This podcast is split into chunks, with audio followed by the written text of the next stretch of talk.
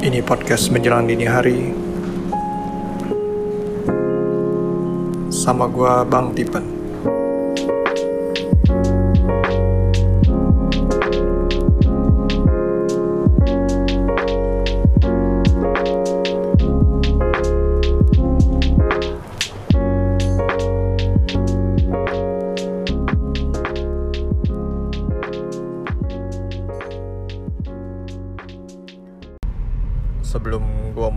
gua mau ngajak uh, kita semua untuk sama-sama berdoa ya untuk semua para korban gempa, termasuk uh, para manusia dan semua makhluk lainnya. Semoga penanganan bencana itu bisa apa bisa efektif dan semua masalah bisa teratasi juga semoga kotanya bisa pulih kembali karena tuh hancurnya lumayan dahsyat ya. Itu gempa apa kerusakannya devastating sekali. And uh, ya itu sih. Semoga akhirnya nanti kotanya bisa dibangun dengan lebih baik dari sebelumnya Uh, dan semua warganya bisa tetap sehat dan selamat dan pemerintah juga ya semua semua relawan semua anggota pemerintah yang sedang berada di sana untuk membantu secara langsung mereka patut diacungi jempol dan semoga mereka sehat selalu dan tetap uh, tenaganya full energinya tetap full untuk membantu orang-orang yang memang sedang dalam kesulitan akibat bencana tersebut. Oke, okay, so lanjut to the main show. Hello, good morning guys. Akhirnya nyampe juga ke episode ke-50. Uh, you're with your boy Bang Tipen trying to sound hip hop nowadays, yo. Enggak, actually I'm enggak.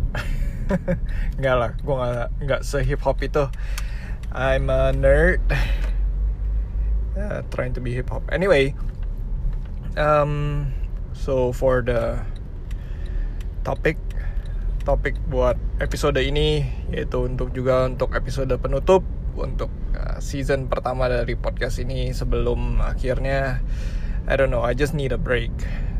Gue bukan cuman butuh break Ya memang butuh fokus ke hal yang lain dulu. Karena I'll let you know di bagian terakhir and um, biar jadi gantung gitu deh. Ntar kan ngelanjut ke season berikutnya kalian jadi kayak aduh gue penasaran. Kayak drama drama Netflix aja ya. No. So buat topik episode ini gue bakal ngomongin mengenai um, failure kegagalan. So, gue mau cerita mengenai gue punya pengalaman yang gue harap bisa juga buat jadi uh, cerita buat kalian dan gue yakin juga banyak yang lebih uh, mungkin banyak yang lebih ngerti soal ini. Cuman I'll just share mine yang hopefully bisa inspire you guys and I just want you guys to share as well. Um, cerita kalian gimana sih? Gue pengen tahu karena it's a I'm in a very devastating situation mungkin bisa dibilang begitu. So I'm closing down my business. Yang kemarin gue sering cerita mengenai bisnis bisnis itu kan. Uh, gue punya trading business dan I'm running my own business and stuff. I'm closing it down. And gue udah nggak nyetok lagi gue pokoknya hanya jual apa yang ada dan itu ya sudah gitu and I'm starting to uh, nyari lowongan ya sebenarnya hitungannya karena gue punya hidup yang harus gue punya keluarga yang harus gue hidupin dan gue punya utang yang harus gue lunasin. Uh, dan utangnya ya yang kayak gue bilang yang yang kalian selama ini tahu lah gitu. Itu udah nilainya udah hampir 1 m dan itu kan harus dilunasin ya. Jadi gue kayaknya gue merasa closing down the business is the best idea karena memang daripada gue tetap tetap holding on to this gitu. Uh, kayak mencoba denying gitu. Jadi denial mengenai kegagalan ini gitu. Karena bisnis ini setelah jalan kan udah setahun lebih. Ini udah terlihat kalau misalnya gini namanya investasi atau bisnis ya selalu kan ada high risk high gain kan. Bisnis ini parah separah high risk low gain like seriously high risk low gain. Tuh coba itu itu udah nggak udah nggak bisa dijalanin lah ya. Makanya gue even though you know I'm quite bilang sad sih nggak cuman kayak ego ego gue yang ego gue yang merasa sedikit hancur. Karena harus closing down and uh, failure-nya besar gitu. So gue merasa kayak life is actually teaching me about failure. Gue banyak membuat keputusan yang blunder, ya akhirnya membawa gue ke kehancuran ini, cila kehancuran ini. Cuman, yes, di sinilah yang harus gue pelajarin dan ini poin-poin yang bisa gue ambil sih kayak ya selama ini kan gue kuliah gitu ya sekolah. I, I'm always a good good guy. Gue kuliah selalu gue kuliah pas 4 tahun lulus ya. Nilai gue IPK gue di IPK gue tiga lebih dikit gitu kan. I'm a good good man gitu kan. Gue nggak pinter banget tapi gue nggak sampai IPK 2,2 gitu. Enggak atau satu koma yang lebih parah gitu kan. IPK gue tiga lebih dikit. Terus uh, masalah kayak ya dari sekolah nggak nggak ada lah cerita mengenai gue sampai uh, calon nggak lulus gitu. Itu hampir bisa dibilang hampir nggak pernah. I'm always the apa sebutannya bilang teacher pet juga enggak cuman di mata orang tua gue ya the the good the good kid in the house gitu. Dibandingkan dengan adik gue yang satu lagi yang lebih rebellious gitu kan. Dia selalu berusaha untuk fight. Uh, I think that's gue pernah baca dia punya um, dia punya anak tengah gitu. The middle the middle child itu mereka memang punya masalah dengan rebellious gitu. Anak kedua selalu begitu. Gue juga perhatiin ada uh, sepupu gue juga yang anak kedua dan memang mereka begitu biasanya. They're a bit uh, rebellious dan the first kid selalu jadi di apple of the eye buat orang tua mereka gitu apple of the eye itu maksudnya anak tersayang lah gitu. Yang biasa di apa selalu nurut gitu. Biasanya nurut dan uh, mempunyai visi dan misi sama ke orang tua atau enggak setidaknya uh, ngerti kalau dikasih tahu ya bisa negosiasi segala macam lah. Sedangkan anak kedua biasa close off negotiation. Anyway um, ya. Yeah, jadi it all change when gue running bisnis ini gitu. Tiba-tiba gue harus mendapatkan diri gue dalam keadaan gagal dalam menjalankan sebuah bisnis dan um, tentu aja yang disappointed tuh bukan cuman keluarga besar maksudnya orang tua gue tapi juga keluarga inti gue yang which means uh, istri anak sih untung belum ngerti ya tapi istri gue sangat-sangat disappointed karena kayak ya kenapa kalian nggak research dulu dari awal dan you know ketika kita menghadapi masalah ini gitu sangat mudah untuk terjebak dalam namanya blame game.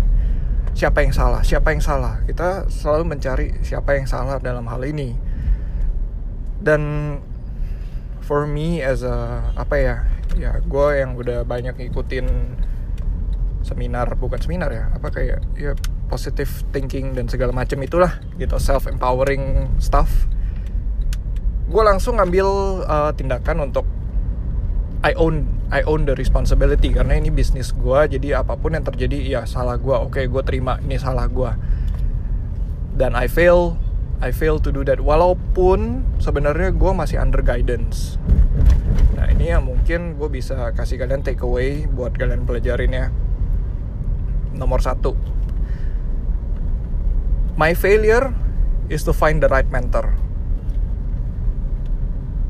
Mentor gue gak sebagus yang gue kira. Um, dan ya yeah, it's my it's my responsibility. Harusnya gue cari mentor yang lebih baik tapi gue nggak melakukan itu.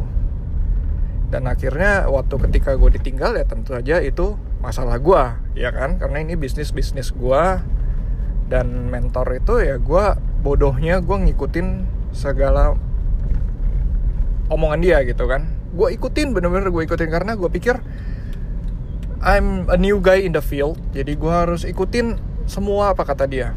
Uh, melihat dari track record dia dan kesuksesan yang dia pernah ada pernah dia dapat. Jadi gue ikutin. And I forgot what gets you there what gets you here doesn't mean to get you there. Apa uh, ya apa yang lu udah kerjain? Bentar. Apa yang udah pernah lu kerjain buat nyampe di sini belum tentu bisa membawa lu ke titik berikutnya. Jadi ya itu dia.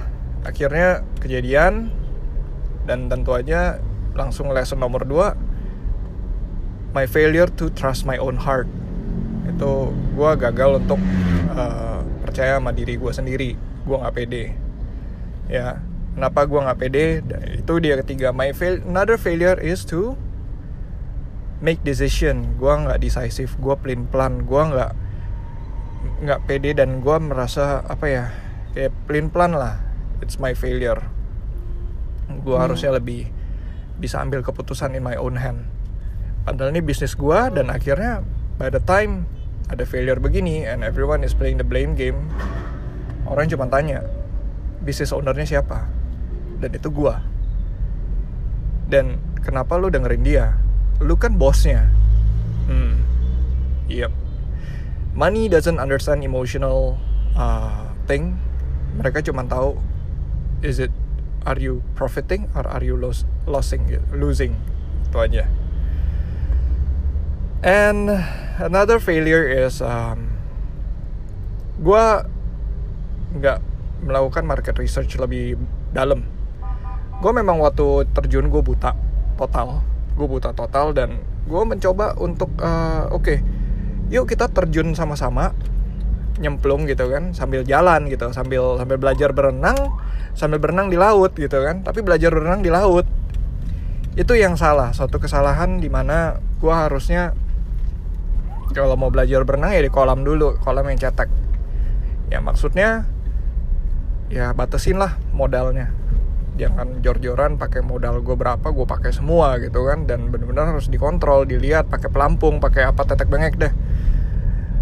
Yang kondisi pada saat itu gue terlalu banyak distraction memang. So yeah that's my failure terlalu banyak distraction dan uh, tergoda sana sini buat um, ningkatin omset ya kan? Karena marginnya sangat tipis jadi gue harus ningkatin omset ngejar omset. Dan gue melihat oh ternyata begini oh enak ya gitu. Ternyata resikonya sangat sangat sangat besar. Gue udah ulangin tiga kali itu.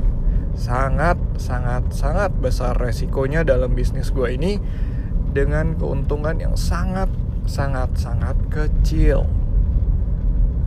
Bahkan ternyata uh, setelah gue udah satu tahun bercimpung dalam sini gue udah akhirnya udah bisa berenang di dalam lautan. Tapi kan akhirnya udah udah minum air udah banyak sekarang gue kondisinya well dying. And um, bisa dibilang malah ya karena dengan gue closing down the business berarti artinya gue mati di lautan gitu kan setelah gue berenang dan gue gagal uh, berenang di laut dan gue mati ini mereka pun udah nggak mau main di bidang ini. Mereka udah mulai nyari uh, the market leader ya. Orang-orang yang udah lama di dalam yang udah 10-15 tahun di dalam mereka pun udah udah udah nggak mau udah males. Udah mau keluar sedangkan malah gue trying to get in. Jadi uh, it's funny. Makanya gue nggak melakukan market research. Dan takeaway terakhir gue lupa poinnya nomor berapa tapi adalah you should ada hubungannya sama trust your heart. You should trust your own self kayaknya memang bukan kayaknya. You should trust your own self. Percayalah sama diri lu sendiri. Percayalah sama kata hati lu. Karena ujung-ujung semua keputusan yang lu ambil akan mengefek ke kehidupan lu doang. Memang orang-orang terdekat itu bisa mempunyai pengaruh besar seperti orang tua istri anak dan segala macam cuman apa yang gue pelajarin hari ini dan uh, setahun inilah gitu dalam perjalanan ini pengaruh besar itu akhirnya ya mereka pun tidak mengalami hal yang sama sama lu gitu experience-nya lain. Kita responnya kan lain dalam melihat sesuatu. Ya kita respon lain tentu juga akhirnya pengalaman kita lain dan orang belum tentu sekhawatir kita orang belum tentu se uh, peduli kita dalam menjalani sesuatu ya kan?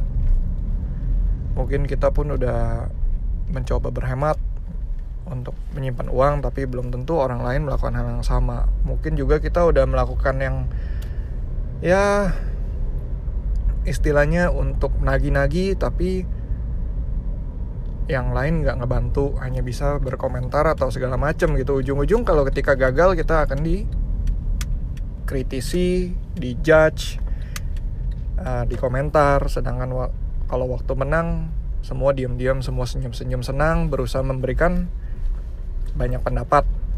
Ya sama lah intinya. Waktu menang juga mereka kasih pendapat gini gono ketika kalah ketika kita mati juga gini gono juga sama. Tapi ketika dalam hal ini nggak sama-sama mencari solusi. So trust your own self.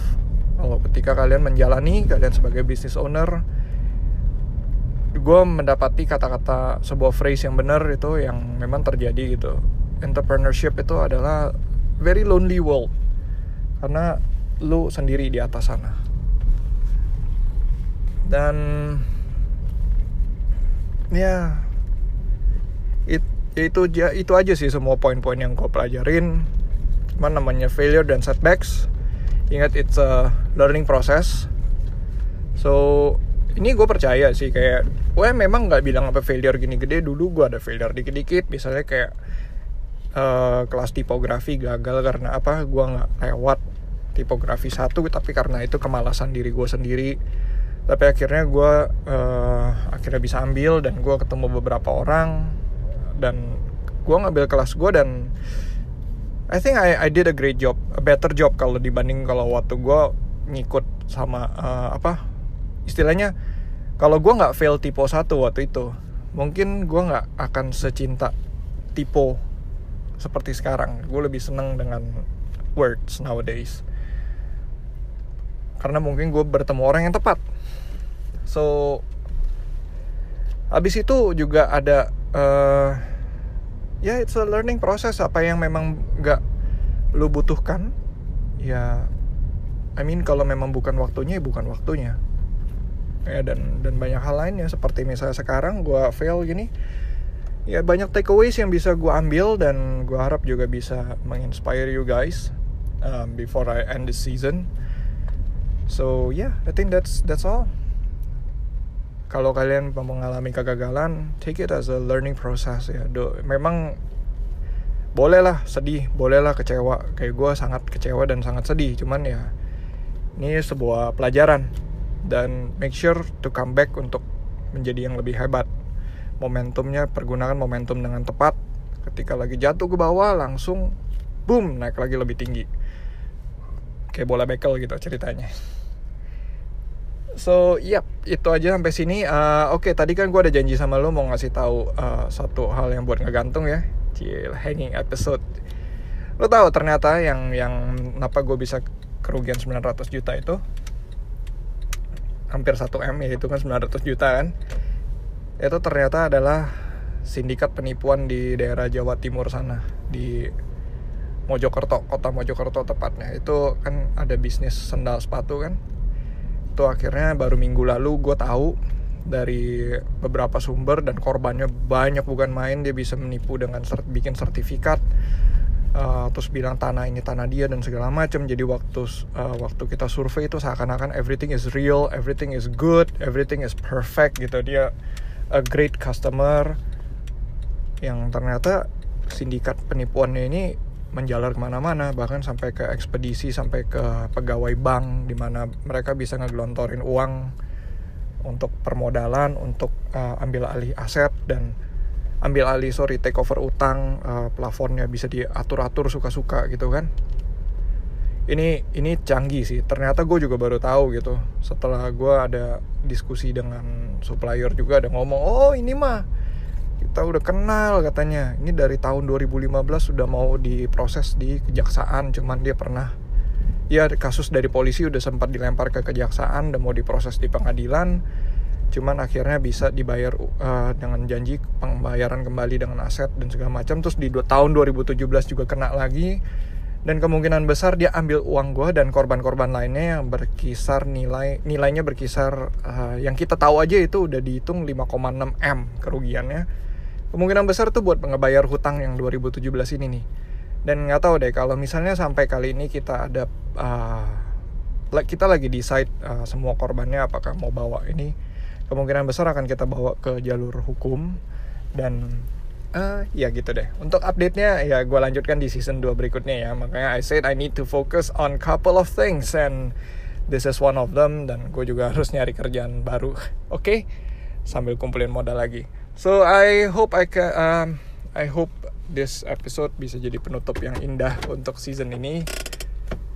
And I hope to talk to you guys real soon. Um, seperti biasa just catch me on social media.